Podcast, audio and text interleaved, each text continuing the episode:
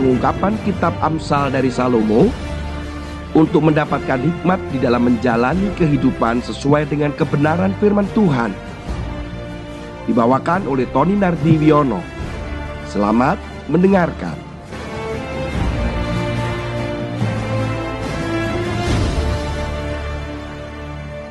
Shalom Bapak Ibu sekalian.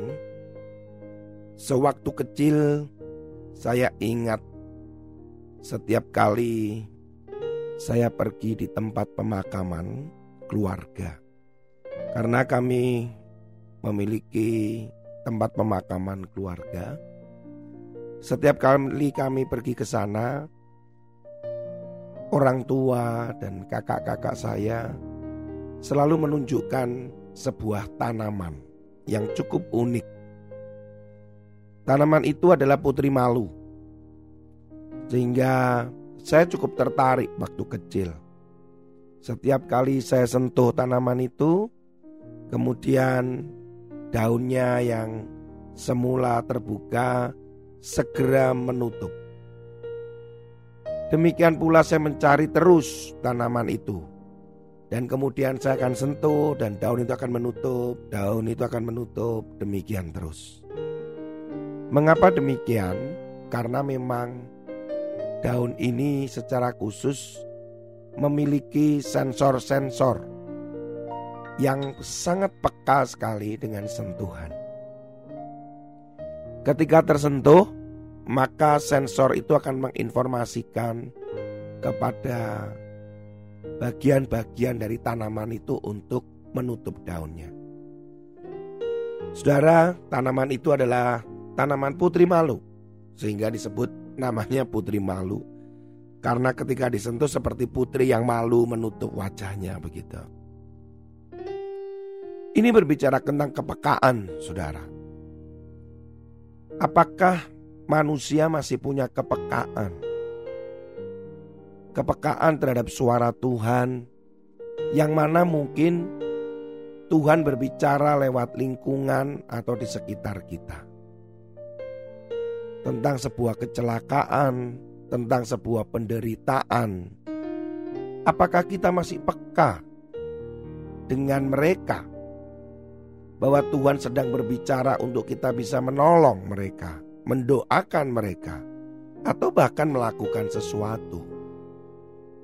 Manusia mulai hilang kepekaan terhadap sosial, rasa iba kasihan mulai hilang. Beberapa hari yang lalu orang mulai melakukan kekerasan di Amerika semakin meningkat. Membunuh hanya berbeda suku, berbeda warna kulit. Mereka sudah kehilangan kepekaan, sensitivitas, rasa kemanusiaan mereka hilang. Pekanya hilang sekali. Ketika terjadi kecelakaan di sebuah jalan, baik itu di jalan tol atau di jalan raya. Kalau dulu orang yang melihat kecelakaan itu langsung turun, kemudian menolong dan membawa korban ke tempat di mana bisa tertolong, bisa rumah sakit, bisa puskesmas, atau dokter terdekat atau rumah penduduk di situ. Saudara, Kepekaan ini sudah hilang ketika dunia sudah ada yang namanya internet dengan digital, dengan kecanggihannya, handphone, smartphone yang kita bawa sehari-hari. Ketika ada kecelakaan, kita bukan sibuk menolong, tetapi kita malah sibuk memfoto, mengupdate status, atau malah membuat vlog dengan sebuah video dan menceritakan apa yang terjadi. Manusia sudah kehilangan kepekaan untuk segera menolong, bahkan kepekaan terhadap kasihan dan sangat tidak manusiawi memfoto, merekam darah yang berceceran di mana-mana. Melihat hal itu, saya menjadi khawatir.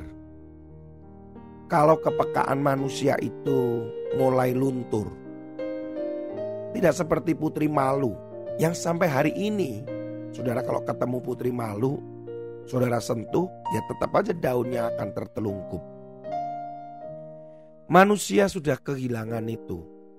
Pertanyaan saya adalah, apakah manusia masih peka dengan suara Tuhan? Firman Tuhan katakan di dalam Amsal pasal yang keempat ayat yang ke-20. Hai anakku, perhatikanlah perkataanku. Arahkanlah telingamu kepada ucapanku.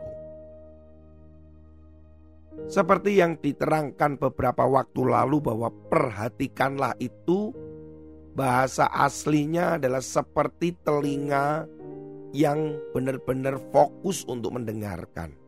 Penggambarannya adalah seperti telinga kelinci yang fokus mendengarkan yang ada di sekitarnya. Saudara, Tuhan bisa berbicara bukan hanya sekedar firman Tuhan yang kita baca setiap hari. Tetapi juga ada peristiwa-peristiwa yang ada di sekitar kita yang di mana Tuhan bisa berbicara kepada kita. Di sinilah masalahnya. Ketika Tuhan berbicara lewat peristiwa, kejadian yang ada di sekitar kita, ternyata kita tidak peka bahwa itu adalah suara Tuhan untuk kita berbuat sesuatu. Itu adalah suara kebenaran. Ketika orang sedang bersaksi, sharing, berbagi, Tuhan bisa bicara kepada kita lewat sharing mereka. Ketika kita menemui masalah di dalam perusahaan atau di gereja atau di dalam keluarga, Tuhan bisa bicara melalui peristiwa itu. Apakah kita masih peka, saudara? Apakah kita sudah tumpul? Kita sudah nggak bisa lagi mendengarkan itu dan merasakan itu lagi. Saudara, tumpulnya hati kita sehingga kita tidak peka terhadap suara Tuhan. Kita tidak lagi peka dengan lingkungan kita. Itu karena ada konsentrasi atau fokus lain yang terus bertubi-tubi kita dapatkan kita asik, kita menikmati media, kita menikmati YouTube, kita menikmati media sosial, kita menikmati semuanya setiap hari. Sehingga hal-hal yang baik, yang benar itu tidak lagi kita dengar. Kita baca. Itu bisa membuat hati kita tumpul. Hati nurani kita nggak ada lagi. Kita mulai bertubi-tubi dibombardir dengan berita yang salah, dosa di sana sini yang selalu kita baca. Akhirnya daya sensitivitas kita, kepekaan kita akan suara Tuhan lewat lingkungan itu tidak lagi kita bisa rasakan, gak bisa lagi kita dengar. Jangan bombardir pikiran kita dengan pikiran dengan sesuatu yang duka, yang jahat. Supaya kita tetap sensitif. Pekakan suara Tuhan. Tuhan Yesus memberkati saudara dan shalom. Haleluya.